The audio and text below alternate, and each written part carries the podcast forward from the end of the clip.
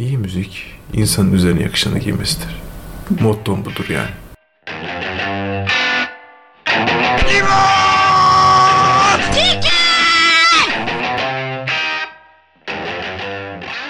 O zaman başlayalım. Başlayalım abi ne haber? Hoş geldin. Valla kim geldi kim gitti belli değil sevgili Limon. Herkes oturduğu yerde oturuyor. Abi yani çok da bir şey yok. Sonuç olarak pandemi bize bir daha vurdu. Evet yani dinleyicilere hızlıca bir bilgi verelim. Sevgili dostlar Almanya'dayız biliyorsunuz ve Almanya'da önlemleri arttırdı, sıkılaştırdı ve geçtiğimiz çarşambaya kadar mıydı neydi? İki tane haneden beş yetişkine kadar görüşebiliyorduk. Artık birebir görüşme gibi bir durum söz konusu oldu. Hatta mümkünse görüşmeyin ama işte hani illa da görüşecekseniz birebir görüşün gibi bir kural çıkardılar. Biz de limon ve sirke olarak hem kendimizi hem de ailelerimizi düşünerekten dedik ki artık salonun e, keyifli ve rahat koltuklarında karşı karşıya oturup sohbet etmek yerine teknolojiyi kullanıp uzaktan kayıtlar yapmaya başlıyoruz. Bakalım ne kadar becerikli olacağız diyorum ve neden turşu? Abi neden turşu? Abi neden turşu? Düşün düşündüm. Yani neden turşuda ne konuşsak ne konuşsak ne yapsak dedim. Sonunda dedim ki ya bu kötü müzik. Şimdi kötü müzik nedir? Tabii bunu önce konuşmak lazım da. Abi çok subjektif değil mi ya? Ya çok subjektif de. Beğeniyi de tartışmıyorum da. İnsanlar neden yeni şeyler araştırıp daha farklı şeyler dinlemeye çalışmıyor da hep aynı şeyleri dinlemeye devam ediyor. Mesela Ya da onlara sunulanları mı sadece neden dinliyor gibi? Ha gibi bazı müzikler var. Kötü de demek yani kötü bana göre kötü, sana göre, ona göre tabii böyle bir şey var. Hani zevkler ve renkler Tartışılır ya. Ya Bence renk tartışılır. tartışılır ya. Abi yani ya Serdar Ortaç dinlemek sana bir şey kat. Abi şimdi ben şöyle düşünüyorum. Senin ve benim bakışımdan haklısın. O sonuca varabiliyoruz. Ama herhangi bir bireyi aldığımız zaman sonuçta biz hep ne diyoruz sen de ben de? Müziği dinle, ruhunu besle ve keyfini çıkar diyoruz değil mi özetle? Evet abi. E şimdi sen mesela klasik müzik seviyorsun. Tamam sadece klasik müzik de sevmiyorsun ama sonuçta senin kırklarına gelene kadar geçirdiğin bir yolculuk var ve o yolculuk içerisinde e, dış etkenler, kendi karakterin bir şekilde şekilleniyor. Ve bu şekillenme içerisinde de ruhunu besleme ve ruhunun ihtiyaçları da değişiyor. O da şekilleniyor. Aynı şekilde ben ona şöyle bakıyorum. Serdar Ortaç veya işte bizim beğenmediğimiz ya da biz sana bana göre kötü dediğimiz şey aslında senin veya benim ayrı ayrı olmak üzere ruhumuzu besleyen turşular farklı. Onların ruhunu besleyen turşular da farklı. O yüzden Serdar Ortaç veya hep de Serdar Ortaç diyoruz. O yüzden kişisel olarak da onu gömüyor duruma gelmeyelim ama sana bana göre öyle. Veya işte mesela bir evvel programda elektronik müziği sen daha daha eleştirdin. Ben bilmiyorum şeklinde davrandım ama atıyorum mesela ikimiz de ortak olarak Tiesto veya ona benzer tarzları tahammül edemediğimizden bahsettik. Çünkü neden? Senin ruhunu ya da benim ruhumu beslemiyor. E başkalarının da bunlar beslemiyor. Abi yani elitist bir tavır içinde girmek istemiyorum taraftan. Ama şunu da unutmamak lazım. Abi bir dinle bir başka bir şey var mı diye bir bak ya. Yani yazıktır, günahtır. Zamanına ya zehirleniyorsun. %100 hak veriyorum. Şuna hak veriyorum ve bu çok felsefi bir boyutu var bunun biliyorsun oralara girmeyelim de. Yani sonuçta herkesin bir ömrü var. Bu ömrün 24 saat olduğunu varsayacak olursak kelebek olsak bize çocukken öyle öğretiyorlardı ya kelebeklerin ömrünün 24 saat olduğuna dair 24 saat mi 48 saat mi ne? Bir ömrümüzün 24 saat olduğunu düşünüyorsak bu 24 saat boyunca benim 4 saat müzik dinleme şansım varsa ki aslında böyle hayatımız hani burada biraz analoji yapıyorum. O 4 saatte de lezzetli bir şey dinlemek istiyorum ve benim bana faydası olduğunu hissettiğim bir şey dinlemek istiyorum. Ha işte sen başka türlü yapıyorsun. Başkası başka türlü yapıyor. Ama dediğin gibi herkes de o 4 saatin farkına varıp ekstradan buna efor sarf et. Anladım abi diyorum. Ben hani üzülüyorum bir taraf. Neyse en azından bizim programın böyle bir en azından benim açımdan hani limoni tarafı ya bakın bunlar da var ne olur bir şans verin. Hani bir bakın gözünüzü seveyim. Tadına bakın, tadına bakın Ha, diyor. evet. Doğru. Ama bak bizde bile, biz bile o yüzden ve limon sirkeyiz ya ve limonla turşu ve sirkeyle turşu bölümlerinde tamam kesişim kümelerimiz var. Pardon turfanda turşuda özellikle veya limonla turşu sirkeyle turşuda da öyle. Kesişim kümelerimiz var ama bambaşka bakış açılardan bahsediyor. Ben izninle aslında benim de konuşmak istediğim konu bununla ilintili ki senin hem tecrübene hem de bilgin bence güzel yön verici olur. Daha evvel konuşmalarımızda konuşun aslında. Ben diyorum ya klasik müzik seviyor değilim. Cümleyi özellikle bu şekilde kuruyorum. Çünkü aslında bilmiyorum. Cahilim yani ben klasik müzik hakkında. Sen bazen bir şeyler söylüyorsun. Ben senden bayağı feyz alıyorum aslında. E, sen bir şeyler söylüyorsun ama ben hala klasik müzik dinlemeyi çok iyi bildiğimi söyleyemeyeceğim. Bildiğimi zaten söyleyemem de öğrendiğimi söyleyemem. Öğrenmeye çalışmaya çalışıyorum. Aslında kulağımı eğitmeye çalışıyorum. Bugün Turfan'da Turşu'da senin ve benim bahsedeceğimiz şeyleri bildiğim için oradan şimdiden bir ufak bir iğneleme yapayım oraya. Mesela benim bahsedeceğim bir tane müzisyen var. Bu müzisyen aslında klasik camiada çok iyi bilinen bir adam ama e, deli bir karakter olduğu için hatta sen bana deli dedin ben de sana dedim ki hatırlıyorsan deli değil o deli manyak diyebileceğim bir karakter. Çünkü adamın bir iki tane caz albümü var ki bir tanesinin hastasıyım ondan bahsedeceğim zaten Turfan'da Turşu'da. Onu dinleyebiliyorum. E, dinleyebiliyorum değil hastasıyım. Hep kullandığım kelimeyi kullanacağım. Hastasıyım adamın o albümünün. Ama gel gör ki benim kulağım adamın diğer yaptığı klasik müziklere çok öyle eğitilmiş durumda değil. Şimdi sana sormak istediğim ve tecrübe ve bilgini de danışmak istediğim nokta da şu. Bir kulak bu klasik müzik olur. Komplike müzikler var ya genelde caz oluyor. E, bazı tarzlarda rock'ı bile alabilirsin ya da rock'ın bazı alt tarzlarını, janrlarını alabilirsin.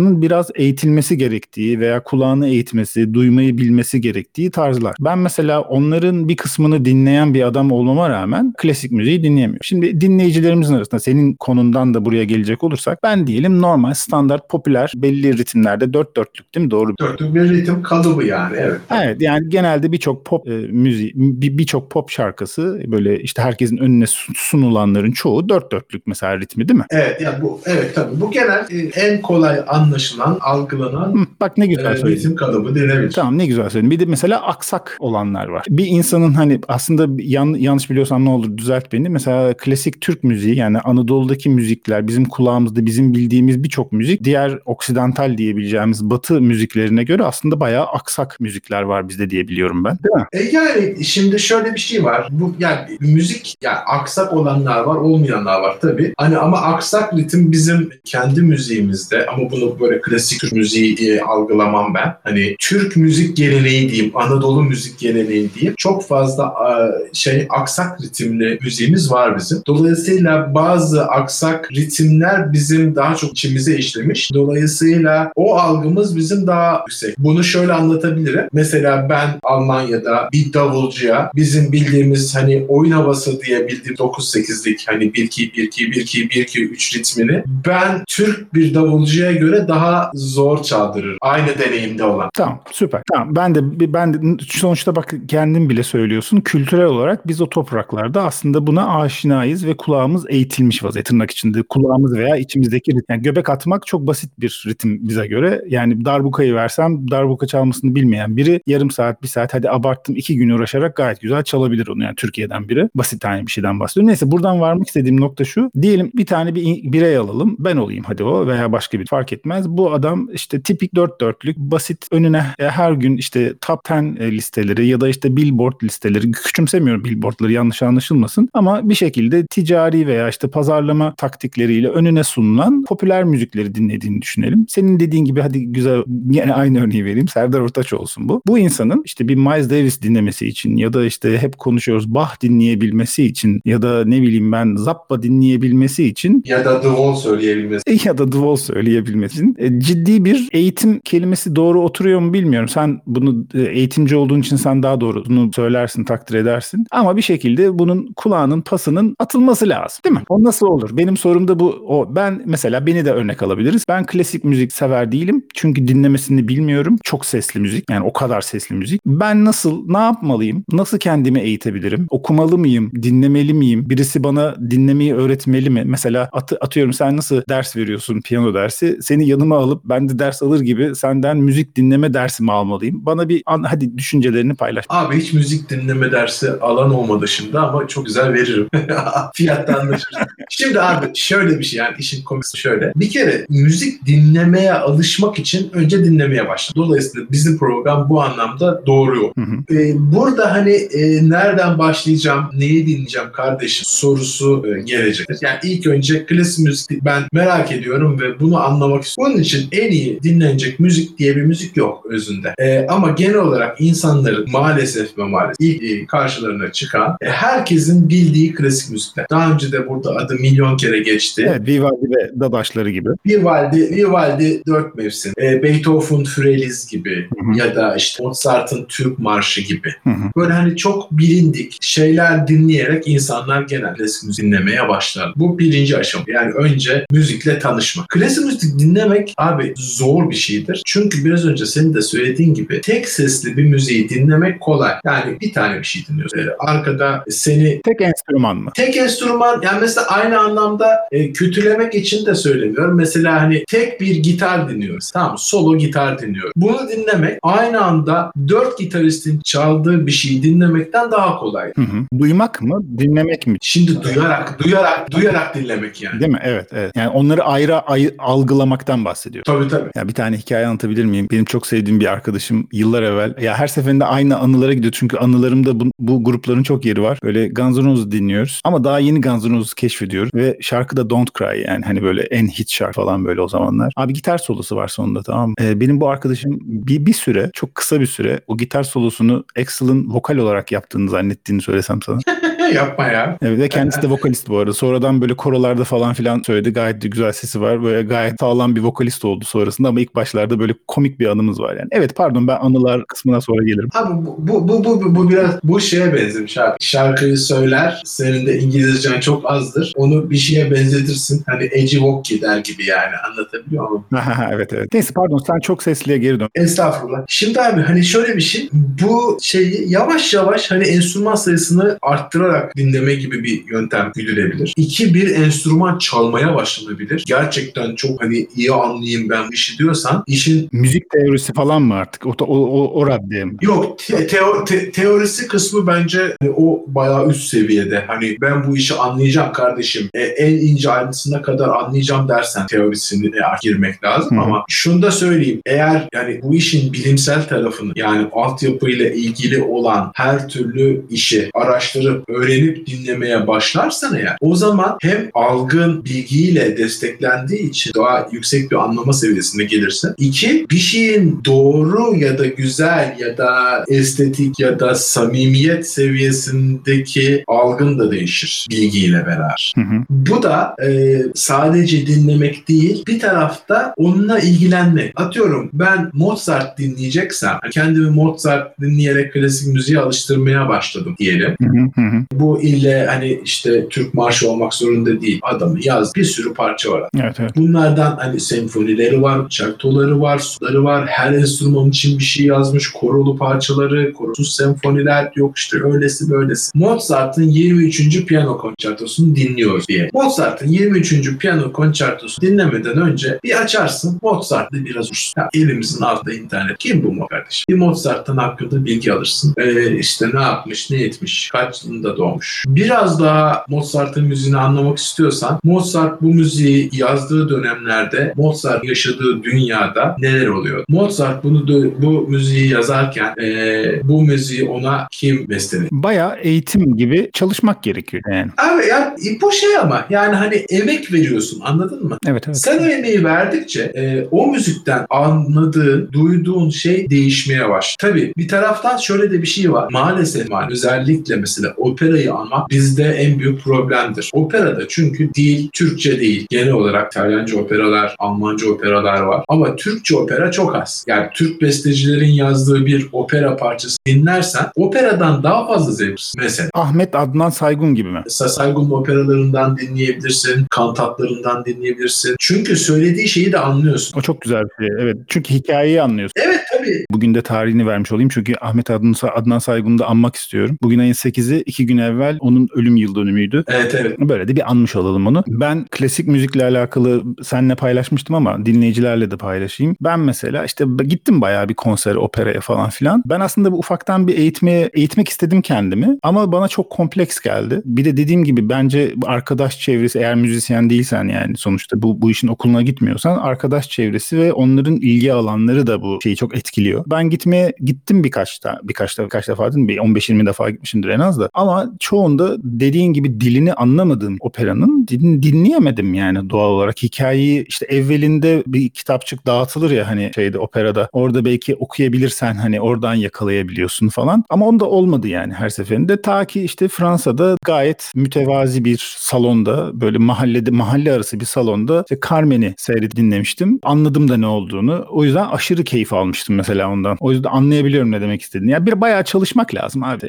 Abi yani emek emek yani zaten abi pop müziğin güzel tarafı bu. Emek vermeden Evet. dinliyorsun. Aa gidiyor. Yani hani Evet. dolayısıyla pop müzik bu kadar çok dinleniyor. Doğru. Mesela bence mesela caz müziği anlamak daha zor. Çünkü işin içinde bir de improvizasyon vesaire şeyler giriyor. Evet. Anında yaratılmış. Yani bence hani gerçek sanat anında yaratılan e, yaratı diye hani açıklıyorum ve bu böyle hani çok nasıl anlatırım bilemiyorum. Anladım ben seni. Gönlünden geldiği gibi o anda icra edip ifade edebiliyorsam diyorsun. Abi yani ya- yaratılan her şey. Adam az bir Miles Davis vay be diyorsun adam onu yapmış. Doğru. Ya da işte Ma- Michael Brecker diye bir adam var. Mesela adam ya çalıyor kardeşim. Dur Hani- dur turfanda turşuya geçme. Ya yok geçmeyeceğim de yani işte böyle hani babalar gözümün önünden geçiyor hızlıca böyle müzikleri kulağıma dökülü veriyor da o yüzden söylüyorum. E, abi çaba gösterirsen anlarsın ya. Maalesef bir klasik müzik gibi, caz müzik gibi böyle hani işin içinde biraz çok seslilik arttıkça işin biraz e, ekstra çabası da ortaya çıkıyor. Ben mesela onu şöyle yorumluyorum söylediğini kendime kendimle alakalı. Ben nispeten çok şanslıyım şimdi. Çünkü benim çok yakın arkadaşlarım gene benim şu anda dinlediğim ve sevdiğim müziklerin etrafındaki müzisyenlerdi. Tabii öyle olunca da ki de dinleme konusunda gayet bilinçsizce kendimi eğitmek durumunda kaldım. Tabii klasik müzikten bahsetmiyorum yani. Ekleyeceğim bir şey yoksa ben bizim geçen haftaki yayınımızda bahsettiğimiz elektronik müzikle alakalı bir geri dönüş aldım. Bence benim için özellikle en önemli kendi kulağımı eğdiğim vay be diye bir sürü şeyi ekstradan anladığım şey konser provalarını seyrettiğim zamandı. Ee, mesela eğer olabiliyorsa bir opera provası size operayı çok sevdirebilir. Ee, ya da bir e, senfonik eser çalınan bir senfoni orkestrası provası da aynı şekilde çok şey değiştirir. Çünkü provalarda sizin totali değil büyük bir e, bütünün parçalarını da duyma şansı var. Yani sadece kemanlar, sadece flütler, sadece klarnetler, sadece üflemeli grubu, sadece vurmalı grubu vesaire gibi grupları da dinleme şansınız olur. Bütünün parçalarını görürsünüz ve bu sayede çok daha yargılarsınız. Okey o zaman diyorsun ki prova seyredin, konsere zaten gidin ama işte kısmetse bu pandemi bize izin verdiği zaman yap. O zaman ben izninle aldığımız geri dönüşü paylaşmak istiyorum. Aslında geri dönüş bana ufak bir hatırlatma oldu. Bu hep bahsettiğim Norveç'te yaşayan bana Ben Harper'ı tanıştıran çok sevgili dostum bana direkt dinler dinlemez tane albümün linkini gönderdi. Ben de bu arada bizim kanalda da paylaştım. Albüm Square Pusher diye bir arkadaşın. Bu adam elektronik müzikçi. Bir de bunun bir tane bendi var. Beraber çaldığı bendi var. Shoba Leader diye isim geliyor. Shoba Leader One diye bir band. Bunların beraber çıkardığı bir tane albüm var. Elektrak diye. Elektrak albümünü ben tabi biliyordum e, ve bana direkt gönderdi. E dedi siz hani elektronik sevmiyorsunuz. Sen bunu onu hatırlamıyor musun? Bak enfes müthiş bir müzik ziyafeti falan diye gönderdi. Ya dedim evet haklısın Square Pusher elektronikçi. Ama dedim yani bu albüm öyle bir albüm değil yani. Bu albüm böyle çok mix mix demeyeceğim. Mix derken müziğin mixinden ka- bahsetmiyorum. Karışık anlamında söyledim. Bir sürü sesin olduğu bir albüm. Sana da tavsiye ederim bu arada. Dinleyeceğim abi. Çok güzel bir albüm ama içinde evet elektronik sesler de var ama akustik enstrümanlar da var. Çok orijinal bir albüm ve ben de ona cevap olarak şunu söyledim. Tamam haklısın Square Pusher bir elektronikçi. Hakikaten Square Pusher'ın kendi sadece kendisinin olduğu albümleri açtığım zaman kendimi böyle 80'li yıllardaki Atari oyunlarının müziklerinin içinde buluyorum. Bana çok elektronik geliyor ve benim hoşuma gitmeyen bir tarz açıkçası. Ama tekrar ediyorum bir evvelkinde olduğu gibi elektronik müzik dinlemeyi çok bildiğimi söyleyemeyeceğim. Ama bu albüm öyle bir albüm değil. Elektronik öğelerin olduğu çok güzel bir albüm olduğunu söyleyebilirim. Bu geri dönüşte paylaşmış olalım. Deyip izninle Turfanda Turşu demek istiyorum. Buyur abicim başlayalım. Sen başla. Neden sen başla? Çünkü neden turşuda sürekli Turfanda Turşu'ya gidesin geldi? Birincisi abi benim özellikle saksafonlar arasında en beğendiğim Michael Brecker. Michael Brecker'ın kendi adını taşıyan bir albümü var. Gerçekten akıl almaz bu. Nasıl oluyor da e, bu kadar iyi çalıyor bu adam? Akıl almıyor ben de anlayamıyorum. Bir türlü anlayamıyorum. Dolayısıyla Michael Brecker'ın Michael Brecker abi tüm dinleyenlerimize %100 tavsiye ediyorum. İnanılmaz bir albüm. Şöyle inanılmaz bir albüm. Bir kere 87 albüm bu. Bu yeni bir albüm. Yani ne kadar biz adını Turfan'da da desek Turfanda dememizin sebebi zaten hani yeni çıkmış bir albüm gibi değil de bizim gündemimizde olan albümler. O yüzden burada ufak bir açıklamayı da yapmış olayım. İlla da 2021'de çıkması gerekmiyor sonuç olarak. Aynen öyle. Michael Brecker bu albümde dört tane büyük abiyle yani ben genelde bunlara hani tanrılar kategorisindeki dört abiyle çalıyor diye anlatıyorum insanlara. Bir tanesi Jack DeJohnette. Çok acayip bir adam. Charlie Haddon daha önce de programda konuk oldu. Kenny Kirkland vay be dediğim adamlardan biri ve tabii ki Pat Metheny. E, inanılmaz e, bir beşli bu bu albümde tabii ki Michael Brecker, Brecker da yani aynı şekilde. Bu albümde e, ya bütün parçalar olağanüstü. 7 parça var tamamında ama benim birinci beğendiğim My One and Only Love adlı e, bir jazz standardı. Özellikle de parçanın başında Michael Brecker anlatmakta çok güçlük çekiyor. Sazındaki hakimiyetini bir milyon kere dinlesem bir milyon kere şaşırıyorum. Ne kadar dinlesem ne yaparsam hep anlayamıyorum. Nasıl bu kadar hakimdirsin? Sonuç olarak üflemeli bir saz. Anlıyorum hani usta olursun ama Bu kadar, bu mı kadar olursun? ustalık, bu kadar nasıl olur? Yani nasıl kontrol? Akıl almaz. Yani bir zaten saksafon soloyla başlıyor ve arkasından e, ana melodi işte Pat Metheny ile beraber e, çalmaya başlıyorlar. Albüm zaten olan albüm ve My One and Love birinci e, bu hafta sizlerle paylaşacağım. İkincisi ise bir müzikal. Bugün e, Limonla Turşu'da da biraz müzikal konuşuyorum. O yüzden bir tane e, sizinle paylaşmak istiyorum. Frank Wildhorn'un meşhur müzikali Scarlet Pimpernel inanılmaz bir var. Benim hani e, keşke olsa da dinlesem dediğim bir müzikal. Çok uzun zamandır maalesef seslendirilmiyor. Özellikle iki parça var. Biri Dil Riddle, öteki de Madame Guillotine diye ki e, Madame Guillotine çok efsane bir parça gerçekten. ya gerçekten inanılmaz. Ee, zaten müzikal beni müzikalle hani aşkımı daha da arttıran albümlerden biri. Bir üçüncü bu aslında e, benim değil bir yine program dinleyenlerimden bize gelen Cenk Erdoğan'ın Fermata albümü. Ben Cenk Erdoğan'ı tanımıyordum bu albüme kadar. Fakat bu Fermata albümüne bayıldım. İnanılmaz bir albüm. Çok sevdim. Mutlaka dinlenmeli. Her parça birbirinden apayrı güzel. Başta böyle alışık olmayan biri için e, Erkan Oğur mu dinliyorum dedirtiyor. Sonra Çünkü perdesiz gitar var ve Evet, perdesiz evet. gitarın tonu da direkt insana ister istemez Erkan Uğur'u hatırlatıyor. ama ne acayip bir şey değil mi? Tarz Yani- çok farklı ama. Tarz çok, farklı. Evet evet ama yani işte nasıl biz hani Erkan Oğur'la bütünleşmiş, bütünleşmişiz e, perdesleri. Ben çok beğendim. Yani hem müzikal anlamda olan e, kayıt tekniği çok iyi, samimiyet çok iyi. Gerçekten bayıldım. Cenk Erdoğan ve Fermat albümü tüm dinleyenlerimize 10'da 10 puanla tavsiye ediyorum. O zaman sıra bana geçiyor. Buyur abi. Bir tanesi az evvel Neden Turşu bölümünde bahsetmiş olduğum Nigel Kennedy. İsminden bahsetmemiştim ama aslında hani bir klasik müzik sanatçısı olmasına rağmen deli manyak karakterini olduğunu düşündüğüm bir çılgın. Klasik müzik eserlerini çok bilmiyorum ama ben Nigel Kennedy'yi ismen biliyordum ve bir klasik müzik sanatçısı olduğunu bildiğim için biraz uzak duruyordum açıkçası. Bundan bir bu söylediğim bir 10 sene falan oluyor yaklaşık. 10 sene evvel o Nigel Kennedy'nin bu Nigel Kennedy olduğunu bilmeden bir tane albümüne denk geldim. Albümün adı Ş, S ve 3 tane H sonunda da bir ünlem yani bir şiş sesi. Nigel Kennedy bu albümde kendisi bir keman virtüözü diyebiliriz ama değil mi kendisi için? Yani İngiliz kemancılar arasında en bilinenlerden biri. Bir tek e, şey yani Vivaldi dört mevsim kaydı dışı birçok işi çok iyi diyebilirim. Okey. Gene Vivaldi'ye. Abi yani benim hani çok gıcık olduğum Vivaldi dört mevsim e, efekt bilmem ne filan numara onu ilk başlatan adam Nigel Kennedy var. Öyle mi maalesef çok üzgünüm.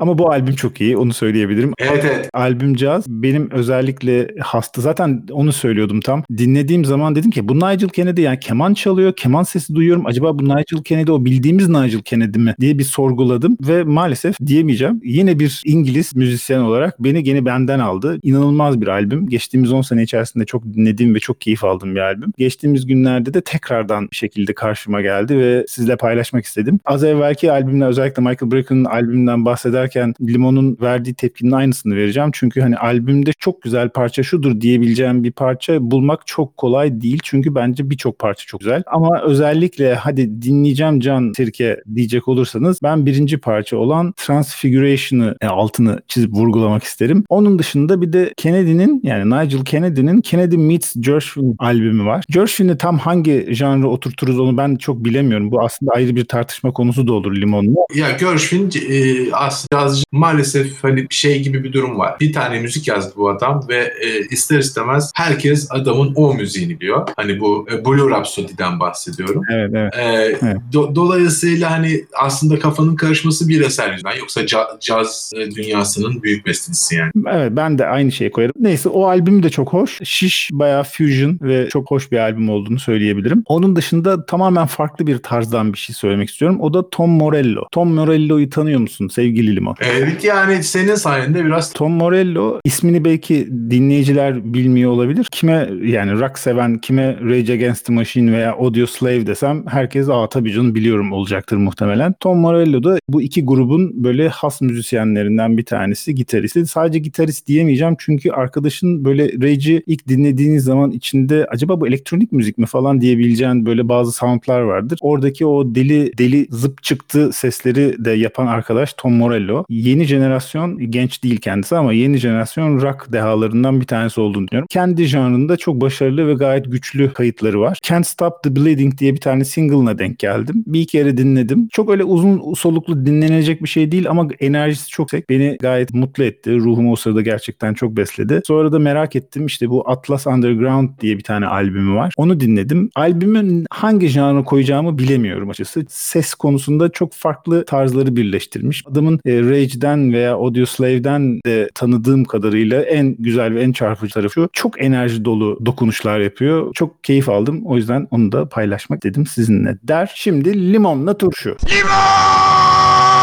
Abi limonla turşu da bu hafta e, müzikal ne güzel şey. Tabii ki e, müzikal deyince müzikalin büyük abisi ya da büyük ablası opera ile arasındaki farklardan bahsedip böyle hani biraz da bilgi vereyim. Bu bilgilerle de hani biraz kafa şişireyim istiyorum.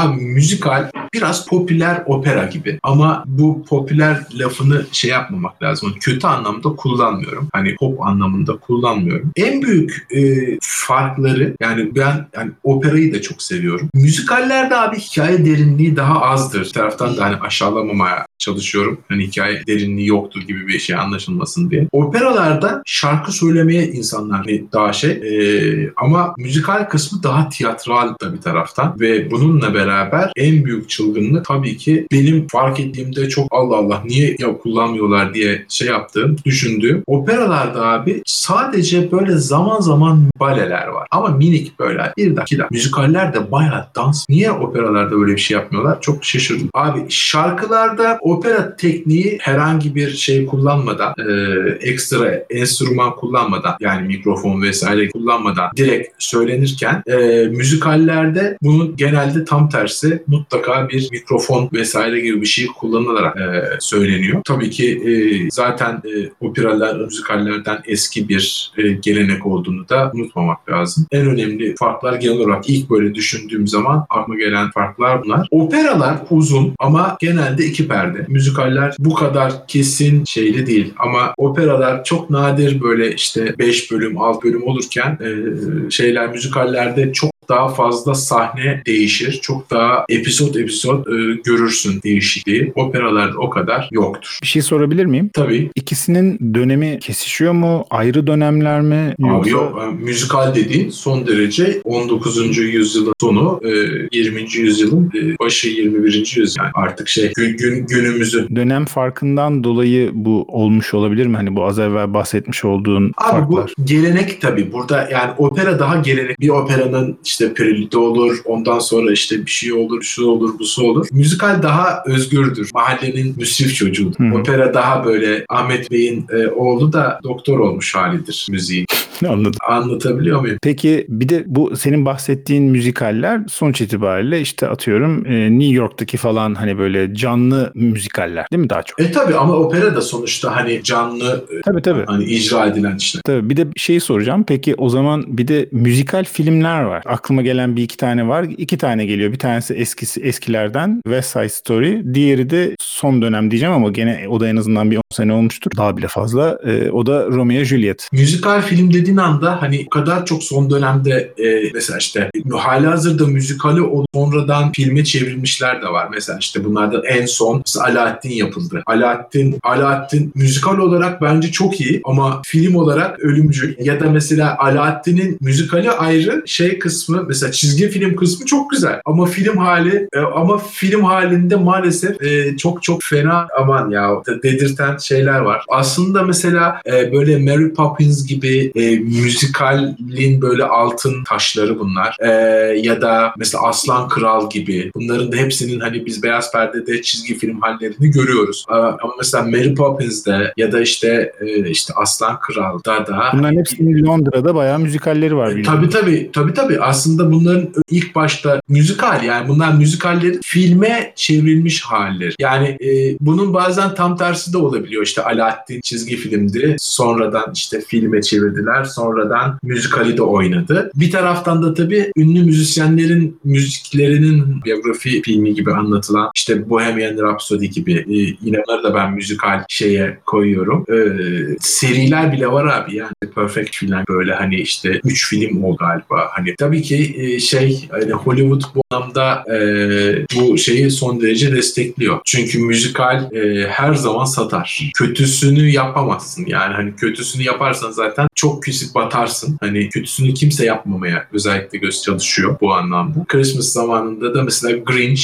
tak diye yeni bir Grinch yapılıyorsa o Christmas çıkar. Çünkü işte o dönem filmi olarak aynı zamanda hem müzikal hem de dönem filmidir. Gibi gibi gibi. Tabii kültürel, popüler kültür ve kültürün hepsinin birbirine harmanlandığı durumlar. Benim çocukluğumdan en çok sevdiğim ve çizgi film olarak kalan müzikal derim ben ona. Sen de öyle dersin diye tahmin ediyorum. O da Walt Disney'in Fantazyası. Yani bizim çocukluğumuzdan çok daha eski bir eser olsa da çocukken de seyrettiğimiz bir şey. 1940'larda olması lazım yanlış bilmiyorsam. O mesela efsanedir. Zaten Walt Disney'in böyle eskide yarattığı ve müzik müziği kullandığı bu basit gibi görünen Tom ve Jerry'lerdeki caz ve klasik müzik e, giydirmeleri ve yedirilmeleri de efsanedir zaten. Disney müzikali diye bir tarz var. Onu zaten hani e, apayrı bir yere koy. Yani biz nasıl hani İngiliz rock'ı diyoruz ya. E, evet, müzikalde doğru de. Disney müzikali diye bir şey var. Bu özellikle altını çizmek lazım. Yani her dönemde Disney özellikle müzikal konusuna eğiliyor. Günümüzde de dahil. Yani işte şu anda işte bu işte Karlar Ülkesi vesaire gibi işlerle de devam ediyor. O zaman izninle sirkeyle turşuya geçiyorum. Rica ederim abi buyur.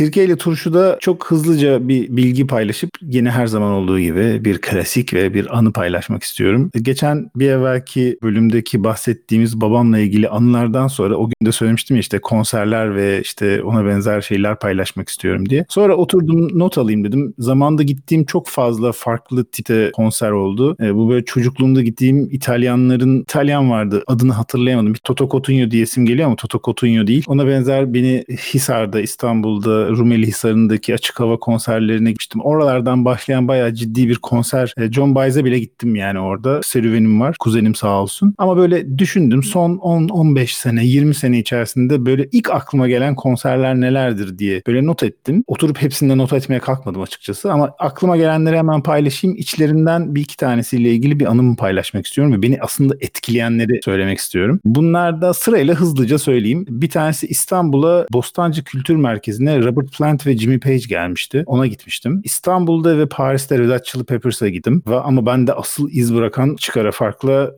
Paris'teki konserdi maalesef. Maalesef diyorum çünkü İstanbul'da da keşke aynı e, deneyim olsaydı. İstanbul'da Rolling Stones, Coldplay'den daha evvelden bahsettim. Coldplay'e gittim. Steven Wilson'a gittim. Metallica'ya gittim. Daha evvel bahsettiğim farklı bir tarzda Esbjörn Svensson'a birkaç defa gittim. İstanbul'da Ahmet Cemal'e gittim. Daha Paris'ten yeni kesin dönüş yapmıştım Türkiye'ye ve o zaman gitmiştim. Çok inanılmaz etkilenmiştim. Açık hava tiyatrosundaydı konser. Mike Stern'e gittim. Kendisinin e, böyle benim ilk beni jazz fusion'a çeken e, gitaristlerden bir tanesi olur kendisi. A- ayrı bir gitar tonu ve ayrı bir tarzıyla. Bir diğeri Aduk Trio. Bilmiyorum dinleyicilerimiz duydular mı daha evvel ya da sen de duydun mu? Aduk Trio bir Fransız grup. Ben bilmiyorum. Herkese tavsiye ederim. Bunu başka bir zaman Turfan'da turşuya alırız. Ama şimdiden tekrar tekrar söylüyorum. Aduk Trio çok enteresandır. Özellikle dinleyecek olursanız konser kayıtlarını dinlemenizi tavsiye ederim. Ve tabii ki hep pek metini ilettiğimiz Pet Metini de e, beni acayip etkileyen konserlerden bir tanesiydi ki daha evvelki sohbetlerimizde paylaşmıştım. Benim bugün özellikle bunların içerisinden paylaşmak istediğim Robert Plant, Jimmy Page. Haberim var mıydı bilmiyorum Türkiye'ye geldiğinden. İlk önce ondan başlayayım. E, Red Hot Chili Peppers'ın Fransa'da gittiğim konseri kapalı büyük bir futbol sahası gibi bir yerde yapıldı. Futbol sahası değil de büyük bir sahada yapıldı. 2005 miydi 2006'da mı ne çıkardıkları bir tane albüm albüm vardı. Çift CD'den oluşan bir albüm. Adını da söyleyeceğim. Ben böyle şeyleri bazen unutabiliyorum. Ama bakmayın. O albümün turnesiydi ve zaten o albüm çok iyi bir ses getirmişti zamanında. Albümün adı da Stadium Arcadium. Ses düzeni çok başkaydı ve zaten albümün çıkışı da çok bambaşkaydı ve bütün albümü çaldılar neredeyse. Yani iki çift CD çaldılar neredeyse diyebilirim. O yüzden çaldıkları parçalar dinlediğimiz ortam ve bulunduğumuz ortam çok farklıydı. İstanbul'daki küçük bir yerde bir konser verilebilecek bir yerde değil bir üniversitenin bahçesi gibi bir yerde verildi. Ses kalitesinin çok başarılı olduğunu söyleyemeyeceğim. Kötüydü hatta yani başarılı değil kötüydü baya. Nispeten Red Hot Chili Peppers'ın daha söndüğü bir dönemdi. O yüzden hem onların ruhu açısından hem de çaldıkları ortam açısından çok farklıydı maalesef. En çok etkiledi yani sahne performansı olarak beni şu anda rock kısmından bahsediyorum sadece bu arada. En çok etkileyen konserler Robert Plant, Jimmy Page ve Rolling Stones. Bu arada ben Rolling Stones'u sevmem. İşin enteresan tarafı. Sırf Rolling Stones geliyor diye gittim konsere. Sevmem. Yani sevmem derken Beatles gibi yani. Severim yani okey yani dinlerim. Beni rahatsız etmez ama oturup dinlemem yani. Hani kulaklığımı takıp Rolling Stones dinlemem. Şimdi Robert Plant'in e, hikayesi şu. O zamanlarda bugünkü yayının en başında bahsettiğim gitar solosunu Axl'ın bağırması olarak algılayan arkadaşımla beraber Robert Plant, Jimmy Page'e bilet aldık. Oraya gideceğiz ve işin tarafı ben o dönem üniversitedeyim bu arada. Yani 2000'lerin başı, yok 2000'lerin başı olamaz 90'ların sonu. Allah'ım zaman ne kadar çabuk geçiyor kafam karıştı. Evet 90'ların sonu ben dizimden atroskopi olmuşum ve değnekliyim. Bahsettiğim arkadaşımın da bağını mı koparmıştı bir şey olmuştu. Onun da ayağında alçı var. İkimiz de değnekliyiz yani. Hani kör topal gitmişsiniz. Aynen kör topal bir şekilde Bostancı Kültür Merkezi'ne gittik. Bostancı Kültür Merkezi'ni bilmeyenler için ufak bir şey yapayım. Bir çadır aslında bu. Bir tarafında şey var. E, böyle Luna Park gibi bir şey var. Bir tarafı da çadır dediğim tabii böyle küçük bir çadır değil büyük bir çadır. Ama konser verilebilecek çadır. Süper hiper bir tabii akustik bir ortam yok ama bundan bahsetmek istiyorum. Akustik kısmını hatırlamıyorum bile. Hatta öyle söyleyeyim. Biz gittik işte beraber. Acayip bir sıra var. Kalabalık falan. Biz böyle birbirimize bak nasıl gireceğiz içeri. Stat içi değil burada ama sahnenin bir de ortada bir yeri var. Orada olmak istiyor gönül aslında ama tabii biz elimizde değneklerle orada olamayız ve tribün gibi bir yerden aldık biletimizi. Bodyguardlar sağ olsunlar bizi görür görmez kucaklayarak tekrar ediyorum kapıları açamıyorlar. Çünkü kapıları açarlarsa herkes girmeye çalışacak içeri. Bizi kucaklayarak ama ya böyle kucaklanıp da alınıp koyulacak insanlar değil. Neyse bu bodyguardlar bizi gayet böyle sanki kuş gibi alıp elleriyle içeri aldılar ve biz konsere gittik. Hayatımda herhalde bir rock konserini bu kadar uzak olup saha içine bu kadar uzak olup içeride olmak istediğimi hiç hatırlamıyorum. Robert Plant sahneye çıktığı zaman ışıklandırmasıydı ve duruşuydu falan. Adam böyle hani sen hep böyle bazen müzisyenlerden işte az evvel Michael Breaker'dan bahsediyordun veya işte çaldığı Pat Methe'ni veya diğer Charlie Haddon'dan falan. Hani bunlar tanrı katında müzisyenler diye bahsediyorsun ya. Adamlar sahneyi öyle bir hakim oluyorlar ki ya müziği hiç hatırlamıyorum. Ya sor bana müzik nasıldı? Ya bilmiyorum ki ben o sırada zaten kafamda Robert Plant söylüyor, Jimmy Page çalıyor. Adam sahneyi öyle bir dolduruyor ki demek ki bu 60'ların ruhu adamlar bu işi gönlen yaşıyorlar. Çok acayip gerçekten. Bu konser Robert Plant, Jimmy Page konseri. Rolling Stones da bundan daha iyi diyemeyeceğim. İkisi de çünkü çok uç seviyede sahne performanslarıydı. Dediğim gibi yani tamam Jimmy Page ile Robert Plant'in bayağı seveniyim de Rolling Stones severi değilim. Ali Samiyen artık yok ama Ali Samiyen stadında yaptılar bu konseri. Biz Hakan'la gittik bu konsere. En öndeyiz bu arada. Acayip bir performans.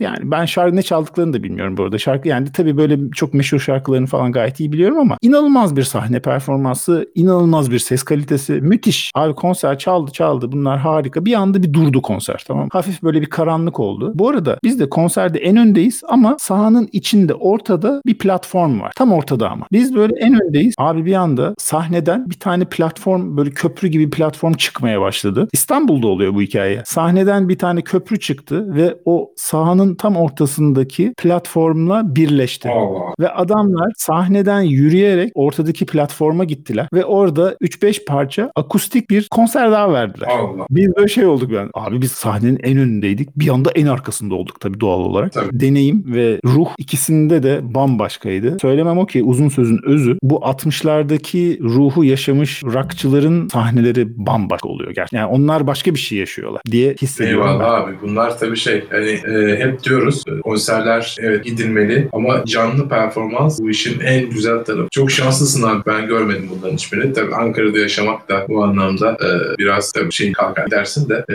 maalesef ben görmedim. Kıskanıyorum seni. Pandemi bitsin acısını çıkartır. İnşallah abi. Bu ne periz, bu ne lahana turşusu karşınızda limon. Abicim sonunda yani e, ya çok bunu dinleyicilerle atıyorum. E, bu sefer abi hani aradım da hani kötü parça, kötü şarkı, kötü Şimdi abi e, benim iki tane kızım var. E, dinleyicilerden beni tanır.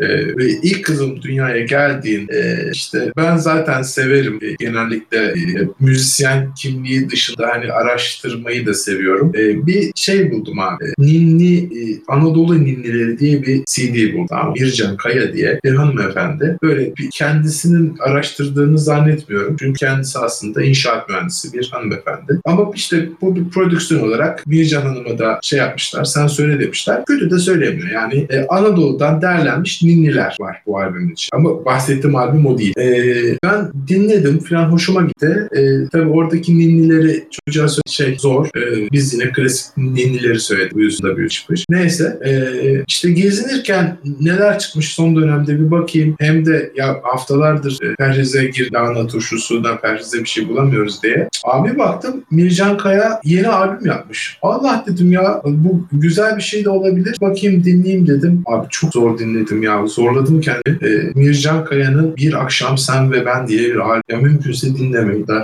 Ama sen zorlamışsın abi. abi Zorlasak neler çıkar yani. Serdarlar var, Varoğlu var ya. Da bu bir de yeni anlar e, parladı baktı bana. Bir de yani Mircan Kaya benim için böyle o Ninler albümüyle böyle saygı kazanılmış ya işte düşsün abi sen işte mühendis birisin. Bir tane hani e, gayet e, kültürel bir CD çıkart. Tamam Anadolu ninnilerini söylüyor filan. Değişik, enteresan bir işti yani benim. O albümü ben biliyorum bu arada galiba. Ben dinlemiştim o albümü. Ben de aynı şekilde çünkü senin küçük kızla benim kız aynı yaşlarda olduğu için ben de o zamanlar merak et ben de öyle bir albüm aldım. Bende de var aynı albüm.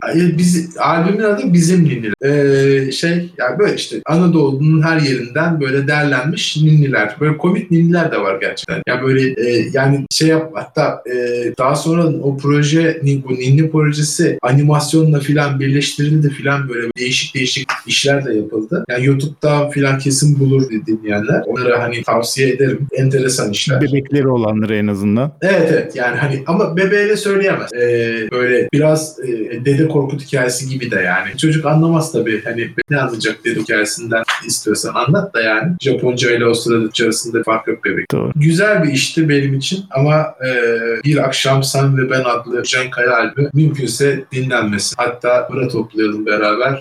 E, Can gönderelim. E, albümü şeyden çeksin. Yani. Teşekkür ediyorum. Buyur abi sıra sende. Rica ederim efendim. Ee, ben sıramı alayım. Biz geçen haftaki elektronik müzik konumuzdan sonra ben de biraz merak ettim falan derken benim çok sevdiğim bir hi-fi konusuyla alakalı audiofiller için yorumlar yapan, incelemeler yapan ama böyle farklı bir sürü konuda yani sadece böyle cihazlar veya teorik konularda değil kendi deneyimlerini paylaşan benim çok sevdiğim bir adam var Berlin'de yaşayan. Adı John Darko. John Darko'nun videolarını veya işte blogunu falan ben takip ederim olabildiğince. Bazı bakışlarını ve müziğe karşı duruşlarını beğeniyorum. %100 her şeyine katılmasam da ama müzik tarzımız genelde pek benzeşmiyor. Ben de biz elektronik müzik hikayesini konuştuktan sonra onun Spotify'daki falan böyle playlistlerine bakayım. Biliyorum çünkü elektronik müzik seviyor. Bizle aynı kaderi paylaşıp o da dinlediği müzikleri dinletemiyor. Sadece işte playlistleri var falan. Tesadüfen şansıma bir tane video yayınladı. Electronica for Audiophiles diye. Dedim ha tamam bizim istediğimiz ve belki öğrenebileceğimiz ve bir şeyler esinlenebileceğimiz bir video. Yaklaşık 25 dakikalık bir video. Oturup tabii ki dediğim gibi albümleri dinletemiyor ama işte ne düşündüğünü, neyini sevdiğini, neden sevdiğini aslında bizim işte Turfan'da Turşu'da yaptığımızı ilk defa böyle bir şey yaparak birkaç tane, 5 tane galiba yanlış hatırlamıyorsam 5 tane elektronik müzik albümünden bahsediyor. Dedim heh ben buradan bir yol alırım. Bir kere dinledim.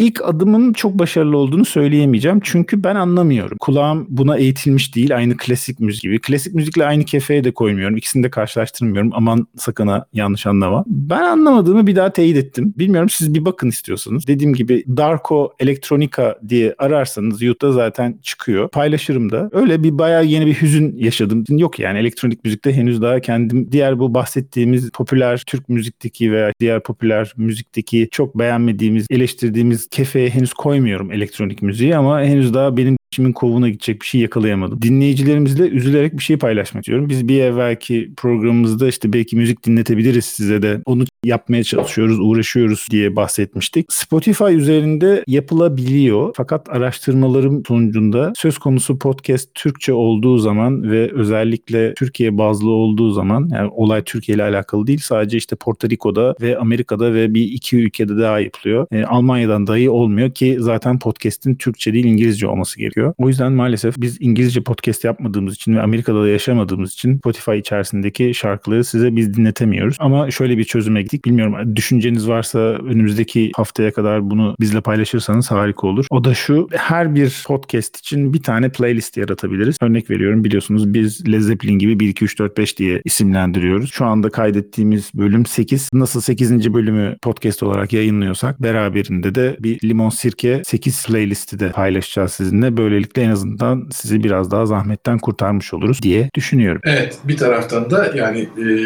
daha önden hani bilgi almak isteyen, bilgi derken müziklere kavuşmak isteyen olursa biz hani bu e, albümleri ilk defa bugün konuşmuyoruz. Hani daha önceden de kendi aramızda e, konuştuğumuzu da hatırlatıp hani bu albümlerin tamamı aslında bizim Telegram grubumuzda da var. Ona da üye olabilirsiniz. E, bu sayede hani daha erken bizden haberdar olabilirsiniz. Evet bakalım uzaktan kaydımız nasıl olmuş göreceğiz. Evet göreceğiz efendim. Görüşürüz abi. Kendinize bakın. E, kapıyorum dükkanı. Hadi kapat bakalım. Haydi haftaya görüşürüz. Bay bay.